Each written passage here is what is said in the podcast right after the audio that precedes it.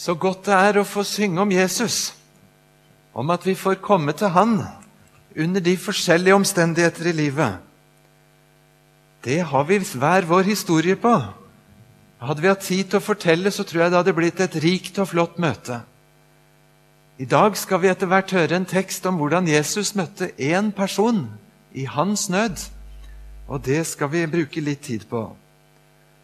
Før det ganske kort jeg får lov til å hilse dere fra Fjellhaug. De fleste vet sikkert hvor Fjellhaug er i Oslo, like ved Sinsen. Det er to skoler på Fjellhaug, en bibelskole og en høyskoledel. I bibelskolen er det drøyt 50 studenter.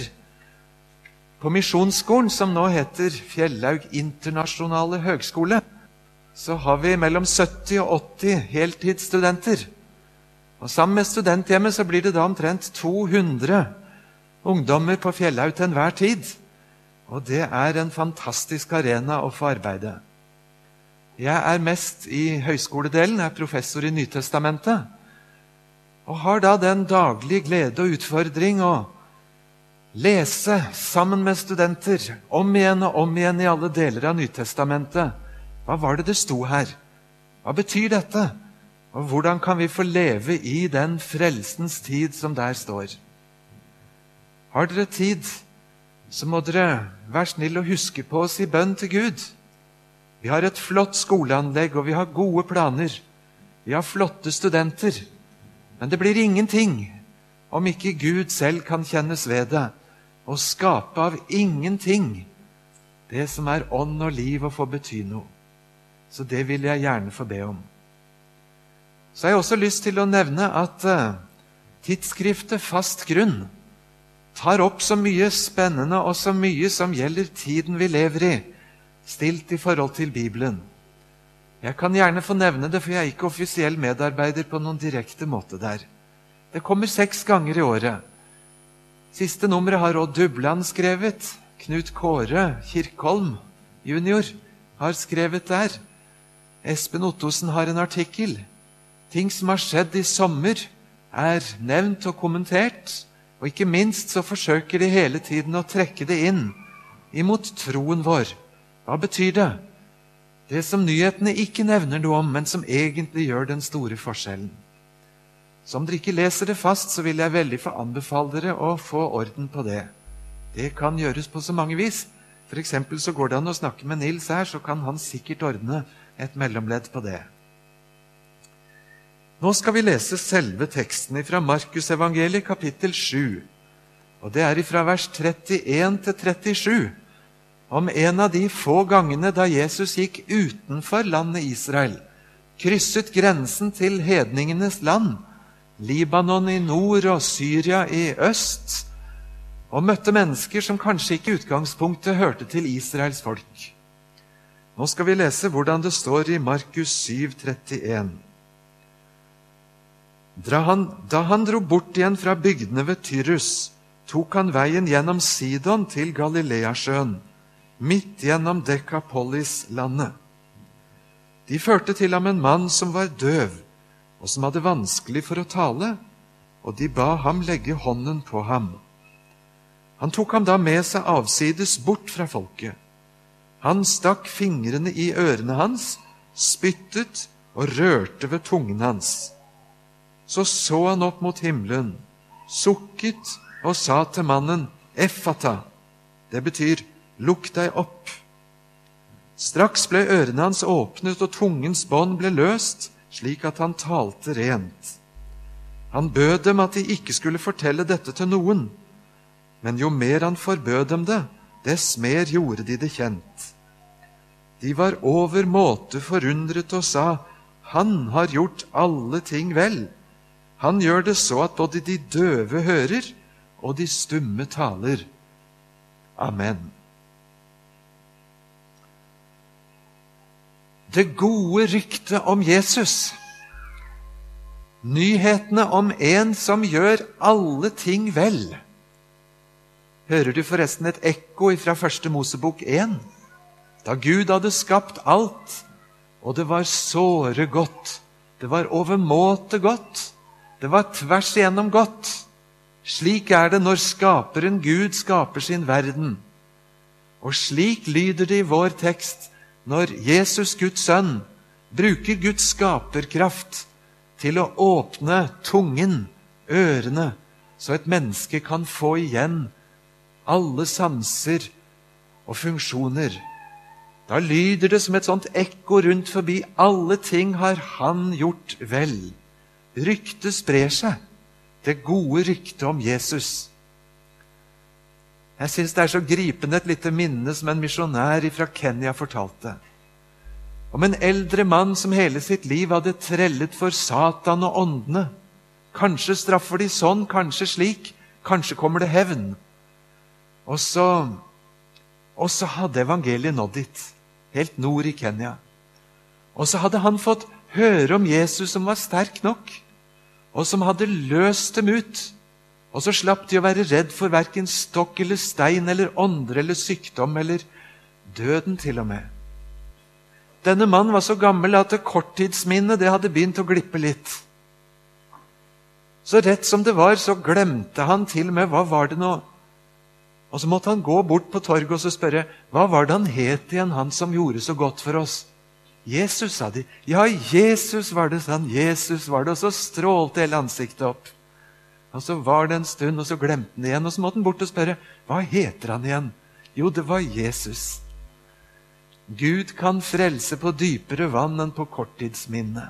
Det gode ryktet om Jesus som gjør vel imot sinne. Nå står det noe rart akkurat i denne sammenhengen. Han bød dem at de ikke skulle fortelle dette til noen. Er ikke det rart? Vanligvis så sier vi at vi må nettopp fortelle til alle, krysse grenser og si det til de siste folkeslag på jorden. Han bød dem strengt at de ikke skulle gjøre dette kjent. Det står faktisk mange ganger. De fleste gangene det står, så er det når en ond ånd roper opp imot Jesus. Hvorfor er du kommet for å plage meg? Jeg vet hvem du er, du Guds hellige. Og så kunne de bruke så sterke og tydelige ord om Jesus som ingen andre brukte. Ikke disiplene ikke fariseerne, ikke yppersteprestene og heller ikke folket. Men demonene visste hvem han var. Og så truet Jesus dem og sa at de skulle slett ikke løpe rundt sånn. Det må være noe med tidsrekkefølgen. Jesus vet selv når timen er kommet og Sønnen skal herliggjøres. Han bestemmer selv hvem det er som skal annonsere ham. Og på palmesøndag så lyder det et voldsomt rop, så til og med de bitte små barna blir grepet av det. Og Fariseerne kommer til Jesus og sier, 'Kan ikke du be dem være litt stille, så ikke romerne kommer og sier det er opprør?' Men da svarer Jesus med Salme 8, 'Har dere ikke lest?' Ifra barns og diebarns munn har du laget et forsvar til vern for ditt navn. Og så lar Jesus de små få tale, for nå var timen kommet, Sønnen skulle herliggjøres. Den episoden vi leser om, den er noe tidligere. Og nå byr Jesus dem om ikke å si det. Det var altså i den fasen, fram til hans egen timing var der. Og hva gjelder deg og meg, så lever vi nå i frelsens tid. Og vi har det svart på hvitt. Gå ut og forkynn for all skapningen. Det skal vi gjøre. I teksten vår så står det at 'de førte til ham'. De førte til ham, og så står det ikke akkurat hvem de er. I den teksten vi hørte til åpning, så var det fire kamerater som kom bærende på båre med en som trengte hjelp for å komme til. Når Luther taler over disse tekstene, så bruker han så mye tid på hvor viktig akkurat dette er. Å bære noen til Jesus. Og hvilke velsignelser det er som skjer der hvor vi tar med oss noen fram til Jesus. For det går ikke av seg selv. Det ligger ikke i vår natur å søke Gud. Vi trenger noen som fører oss. Så dere noen fedre og mødre som førte barna sine fram her, og som førte dem med ut til søndagsskolen? Finnes det noen tydeligere, sannere illustrasjon av hva teksten handler om? Å føre noen til Jesus. I teksten vår så er det en voksen som blir ført dit. Det er forresten dobbelt rart i den teksten om, om han som lå på båra. For der står det uttrykkelig i alle tre evangeliene da Jesus så deres tro, sa han til den verkbrudne, dine synder er deg forlatt. Går det an å tro på vegne av andre? Må vi ikke tro selv? Ja, sånn tenker vi. I den sammenheng så er det slik at Jesus ser troen til dem som bærer. Og på grunnlag av bærernes tro så slipper Jesus til, så han får gjøre godt imot den som kanskje ikke hadde funnet frem selv. Vi bærer noen til Jesus i bønn. Det finnes noen bønnevinger som kan løfte noen opp, så de lander i fanget på Jesus. Og få be dem hen til Jesus, og få bære dem og få leie dem. Det er mange måter. Og så er det noe litt spesielt med denne lignelsen. For som regel så er det sånn at når Jesus helbreder noen, så bare taler han. Han bare sier noen ord, og så plutselig skjer det. Tenk for en makt! Og Når vi har sånne tekster, så bruker vi ofte anledningen til å si at Jesus er ikke en trollmann eller en magiker, ikke en tryllehealer som skal få til noe sånn litt juks. Og så smugler han en eller annen salve eller et eller annet medikament på. Og det er jo sikkert sant og rett at Jesus er ingen som jukser. I denne teksten gjør faktisk Jesus litt annerledes. Det står uttrykkelig at Jesus tar ham med seg avsides, og så stikker han fingrene sine inn i ørene på denne. Og så står det at han spytter og rører ved tungen på den som ikke kunne tale fritt. Og så står det at han sukket, og så talte han. Og det gjorde sånt inntrykk at øyenvitnene husker hva det het på arameisk, enda dette fortelles på gresk. Og så lyder det uttrykkelig da 'effata'. Åpne deg opp. Og så skjer det plutselig. Men hva har det seg det at Jesus denne gangen berører? At han stikker fingrene i ørene og til og med bruker spyttet sitt? Ja, Det står ikke forklart, så jeg skal ikke prøve å dra all verdens ut av det. Men vi forstår i hvert fall det at Jesus var ikke redd for å komme nær. Jesus tør å gå helt bort. Han tror ikke at mannen er smittefarlig og må holde seg liksom på armlengdes avstand og så liksom rope noen ord langt bort dit. Jesus tør. Nå er det et farlig ord på norsk som jeg sjelden bruker fra talerstolen, og det heter å solidarisere seg. Jeg syns det ordet misbrukes på så mange måter. Men var det en gang vi skulle bruke det, så var det her. Ser du Jesus som et øyeblikk er folkets helt? Han går helt bort til den mest stakkar av dem alle. Og på vårt kroppsspråk så hadde han vel lagt armen rundt skuldra hans og gitt han en klem og vist at 'jeg tør å være din venn. Jeg er på ditt parti'. Det er nå i hvert fall et språk som mennesker forstår, uansett marameisk og gresk og norsk og dialekter. Og var det nå slik at han ikke var helt ren?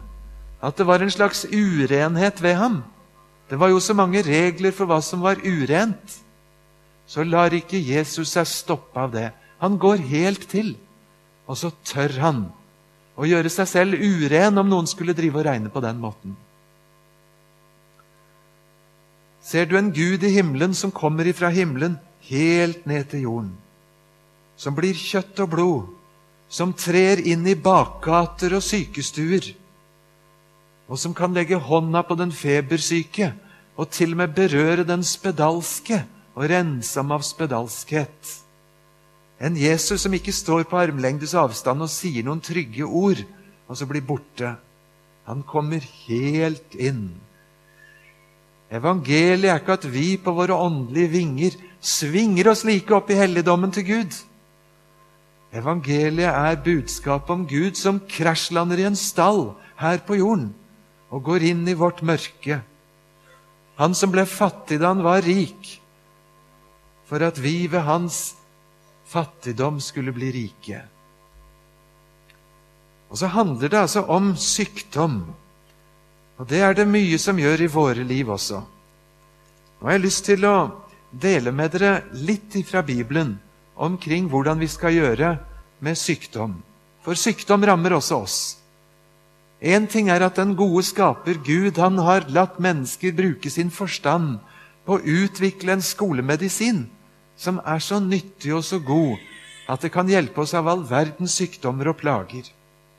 Det skal vi takke Gud og ikke Darwin eller apekatter eller Big Bang for. Gud i himmelen har æren for alt hva mennesker som er hans skapninger, kan få til av medisiner og helse og behandling. Dernest så får vi lov å be. Vi får lov å be til Gud. Ofte er de ømmeste tingene sånn som vi kvier oss for å nevne for noen andre. Og så blir det mellom Gud og oss, og han tyster ikke. Men så er det også en annen måte vi skal få be på, og det er å be sammen med noen. Og det er jo også så stort. Noen ganger å få gjøre sånn litt ekstra rom for det. Ikke bare diskré, men kanskje tørre å ringe til noen og spørre kan dere to komme hjem til meg og be til Gud sammen. For det er noe som er så svært og så vanskelig, og så gjøre det. Om du ikke vet noen slike, så har vi lov å være anonyme. For Gud så er alt så kjent. Det to eller tre av dere blir enige om å be om, står det uttrykkelig. For det tredje så skriver Bibelen ganske mange steder om nådegaver til helbredelse. Med en gang jeg bare sier ordene, så kjenner jeg litt sånn en reservasjon. For vi syns det at det praktiseres på så mange ymse vis og ikke alltid så bra. Noen ganger er det noen som innbiller seg at det skal skje oppe på scenen. Enda som Jesus prøvde som regel å trekke seg bort fra folket for at det ikke skulle bli oppstyr og show av det. Og Til tross for alt misbruk så er det likevel sånn at Bibelen mange steder og tydelig snakker om at han kan gi nådegaver til helbredelser. Kanskje vi skulle i rett sted og tid ha frimodighet til å be Gud dersom du ser at dette er noe som kan bli til velsignelse i vår menighet. Kan du da, Gud, utruste noen med slik nådegave? Noen som kan praktisere det på en kristelig og rett måte, så det blir i samsvar med din vilje. Ikke for at vi skal kunne bryske oss og si vi er en menighet som fikser alt. Vi har til og med sånne spesialister. Men for at det kunne komme noen til hjelp som trengte det. Og så er det en fjerde vei med sykdommen som ikke er direkte knytta til nådegaven for å helbrede. Og Da har jeg lyst til å ta tid til å lese de versene fra Jakobs brev, kapittel 5. Der leser vi fra vers 13.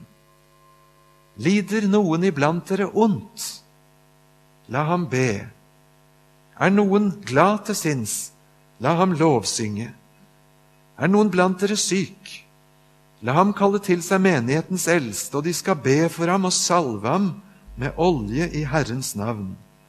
Og troens bønn skal hjelpe den syke, og Herren skal reise ham opp, og har han gjort synder, skal han få dem tilgitt.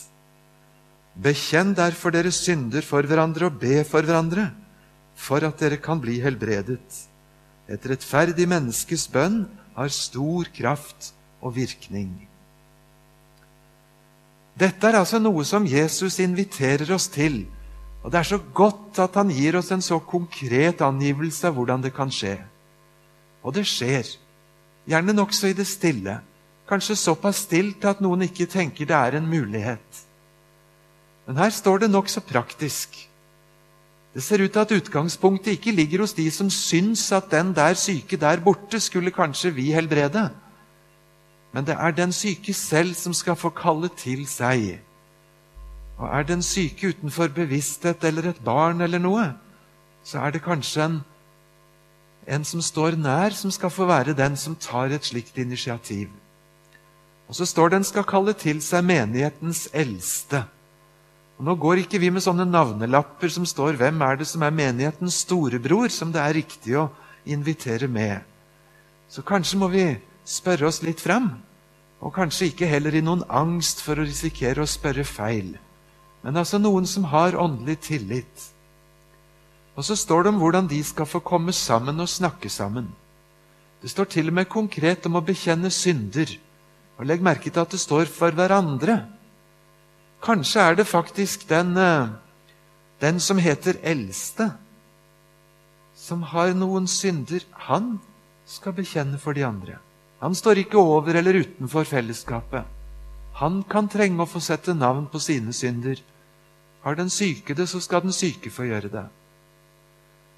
Og så står det at de skal få salve med olje i Herrens navn. Og dette er ikke noen magi. Olje er olje. Jeg bruker soyaolje. Og jeg pleier å si at jeg har kjøpt den på Rema. Så ikke det skal leve noen forestillinger om at det skal en egen magisk type olje til fra Jordanelven eller et eller annet sted spesielt. Um, kraften er altså ikke knytta til oljen eller seremonien som sådan.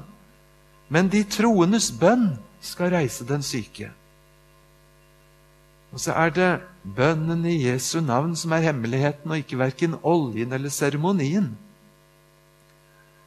Og Hvis noen kvier seg og tenker det at sykdommen sitter på et sted som ikke gjør det noe greit å skulle salve og be sånn i, i påsyn av mange mennesker, så skal vi trygt bare få lov å salve i panna eller på hånda til den som er syk, så vet nok Gud å legge lindringen der den trengs. En fin, god skikk å få tegnet oljekors i panna for å si at det er den korsfestede, oppstandende Jesus vi henvender oss til.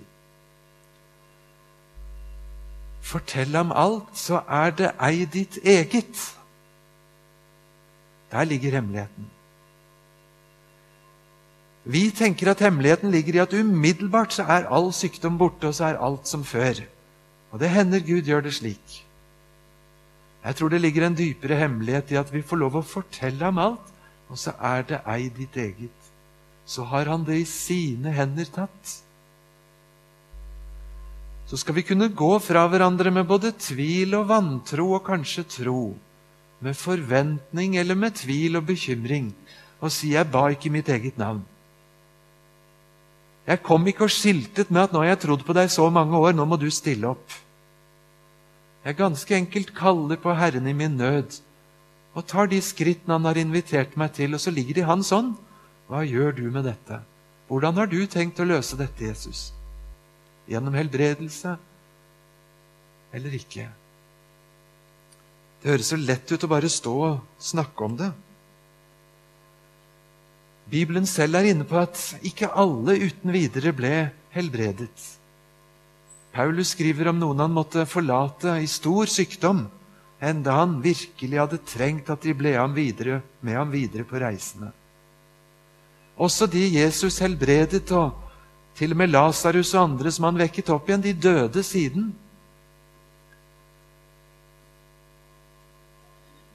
Vi skal ikke snakke lettvint om det å ikke få svarene. Finnes det en hemmelighet, så vil jeg få gjenta Fortell ham alt, så er det ei ditt eget, så har han det i sine hender tatt. Det hender jeg møter mennesker som sier de har mista hele trangen til å be, for de fikk ikke hva de ba om. Jeg skal ikke bebreide noe menneske for å ha det sånn. Men på sett og vis er det da noen skygger som er kommet inn, sånn at ikke det er blitt helt riktig. Er det noen som syns det høres ut som et godt ekteskap hvis det at mann og kone ikke taler med hverandre med mindre de skal overtale den andre til et eller annet? Jeg taler med Gud om tusen ting, og blant dem er også min helse, min økonomi, eller hva det måtte være. Men det er ikke det eneste jeg taler med han om. Jeg har mer å tale med min kjære Heidi om enn akkurat akkurat tjenester som jeg kanskje drister meg til å spørre om. Det er en større kommunikasjon og et bredere bånd som går til himmelen, enn bare akkurat den korteste SMS-melding med et utropstegn om hva jeg ønsker meg. Får jeg lov å være dristig og bruke et bilde som jeg ber deg ikke ta ille opp? La oss tenke oss at det sitter en gjeng med fire år gamle gutter i sandkassa. Og av alt fireåringer kan komme til å krangle om, så begynner de å krangle om hvem som har den snilleste mammaen.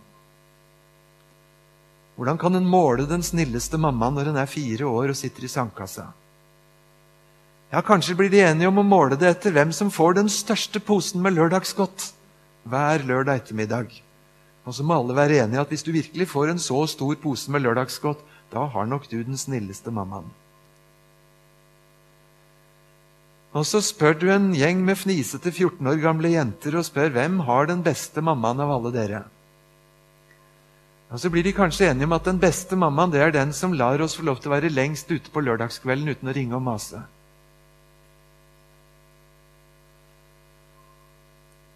Og så kan det hende at jeg ligner fireåringen eller 14-åringen. Som begynner å tenke at Gud er god i den grad han gir meg en stor pose lørdagsgodt. Eller han gir meg noen ting. Og Så kan det hende jeg har dristet meg til å be om noe som er langt annerledes enn sånne ytre ting. Men uansett så skal ikke jeg stille opp en målestokk og så si du må gjøre det slik eller du må gjøre det sånn. Jeg skal få lov å være så ærlig og direkte som bare det. Men Gud er Gud, og det kan hende at det unndrar seg mine målestokker for hva som er rett, og hva som er godt. Skal jeg få ta et eksempel på det i Bibelen? En gang som Lukas 17 forteller om, så kom det ti spedalske til Jesus. Og alle sammen hadde samme bønn. Du må gjøre oss frisk, du må rense oss. Hvor mange av de ti ble friske? Alle ti. Wow! Ti fikk helse, men bare én fikk frelse.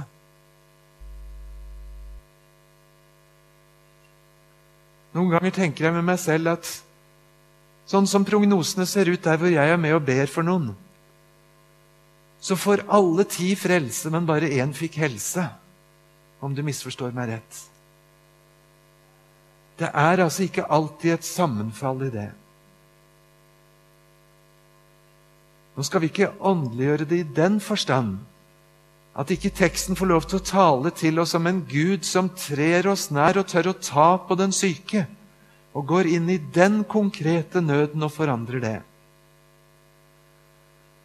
Men ikke minst gjennom denne sommeren med alt det vonde som har skjedd i landet vårt, og med de mange, mange, mange anledninger Kirken har fått til å komme mennesker nær i sorg, så kan jeg ikke fri meg for at jeg mange ganger har savnet et mildt ord om Jesus. Et frimodig vitnesbyrd om en frelser. Ikke som noe du kaster i ansiktet på noen som har sorg, på en slik måte at ikke du hører hva de har på hjertet. Men like fullt er det ikke der vi har frimodigheten for å svare noen som helst mennesker. Om vi kunne tilskynde hverandre til det i en tid som spør etter alt annet godt Gud og Kirken måtte ha å tilby, annet enn det som Bibelen fokuserer først og sist og mest. At vi frimodig kan gjøre som teksten og gjøre ryktet om Jesus kjent. At vi følger eksempelet til han som først fikk helse, og dernest frelse, og som visste hvem han skulle takke. Min sjel, lov Herren, og glem nå ikke alle hans velgjerninger, han som forlater all din misgjerning. Vi glemmer det aller meste av Guds velgjerninger. Men glem nå ikke riktig alt, da. Prøv i hvert fall å huske på noe av det, og takk ham for det. Jeg ble invitert til et lite intervju på radio på P4 en gang. Og de spurte sånn 'Du er kristelig, er du ikke det?' 'Jo.' 'Ja, kristelig og kristelig, jo.' 'Ja, Ber du til Gud?' 'Ja, jeg ber til Gud.' 'Får du noe bønnesvar?' 'Ja, jeg. Jeg vasser i bønnesvar hver eneste dag.' 'Nei, gjør du det? Fortell, fortell.' 'Jo, det jeg, noe jeg ber om hver eneste dag, det er om ikke Gud kan gi meg daglig brød.' Og så får jeg det. Hver eneste dag har jeg fått det. Ja, ja. Ja, ja, sa man. Har du noe annet? Å ja, sa jeg. Jeg har noe som er enda mye viktigere. Jeg ber til Gud dag for dag, mange ganger om dagen, at Han må tilgi meg alle mine synder, så ikke en flik av en synd skal stå der på dommens dag og stenge meg ute fra Guds himmel. Og så får jeg det Jeg får leve i tilgivelse for syndene. Ja, ja. Ja, ja, sa mannen. Har du noe mer?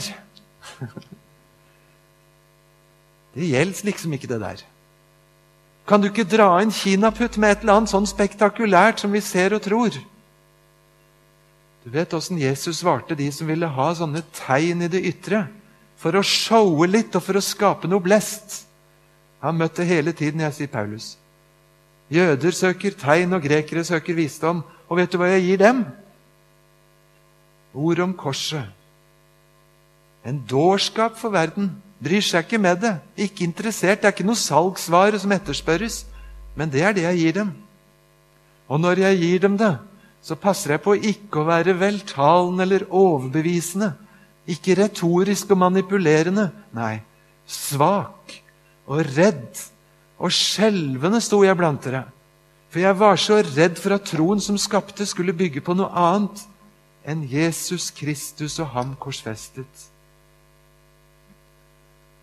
Og så gjør Jesus tegn og under, han kan stadfeste forkynnelsen. Visst gjør han det, og vi har løfter omkring det.